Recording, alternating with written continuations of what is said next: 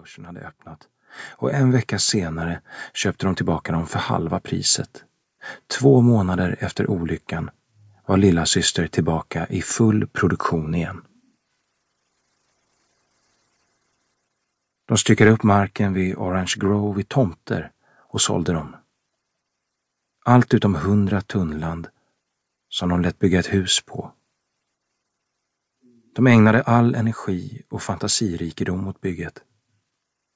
Duff lyckades med pengarnas hjälp övertala hortonomen på Kapstadens botaniska trädgård och lät hämta honom snarast möjligt.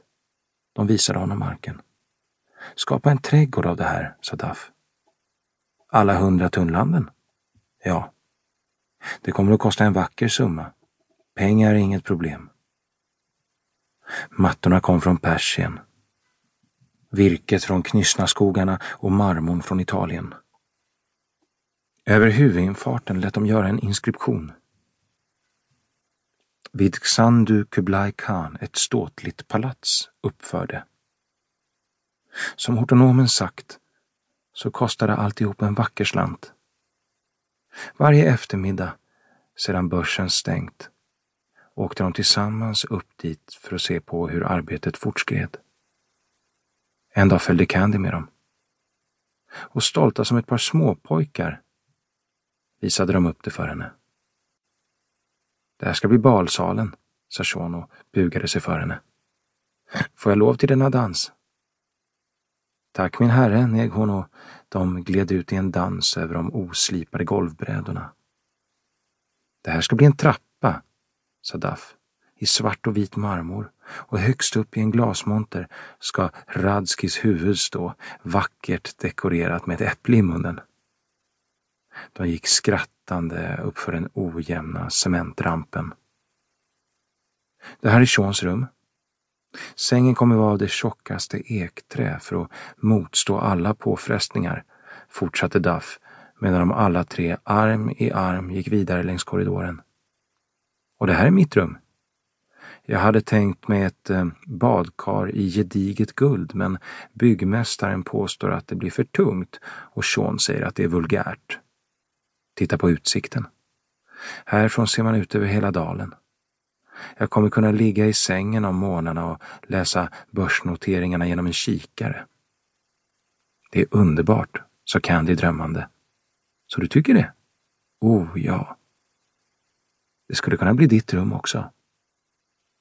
Candy började rodna, men utbrast sedan förargat. Sean har rätt, du är vulgär. Hon vände sig mot dörren och Sean fumlade efter sina cigarrer för att dölja hur besvärad han var. Duff skyndade fram till Candy och vände sig mot henne igen. Din söta lilla idiot, sa han. Det där skulle föreställa ett frieri. Släpp mig! Hon var nära till tårarna nu. Det där var inte särskilt lustigt. Candy, jag menar allvar. Vill du gifta dig med mig? Cigarren föll ur Seans mun. Men han lyckades fånga upp den innan den hamnade på golvet. Candy stod blickstilla och såg Duff rakt i ögonen. Ja eller nej? Vill du gifta dig med mig? Hon nickade först sakta en gång och sedan ivrigt flera gånger.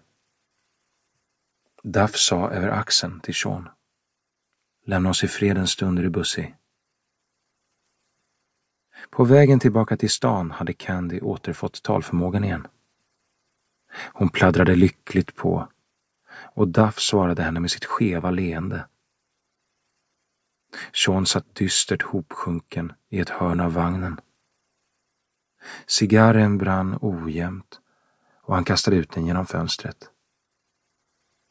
Jag hoppas att du låter mig bo kvar i Victoriarummen, Candy, muttrade han. Det blev tyst i vagnen. Vad menar du med det? undrade Duff till slut. Tre är en för mycket, svarade Sean. Inte alls, utbrast Candy. Det är ju ditt hus också, sa Duff bestämt. Du får min halva som bröllopspresent. Äh, håll klaffen, grinade Duff. Huset är stort nog åt oss alla tre.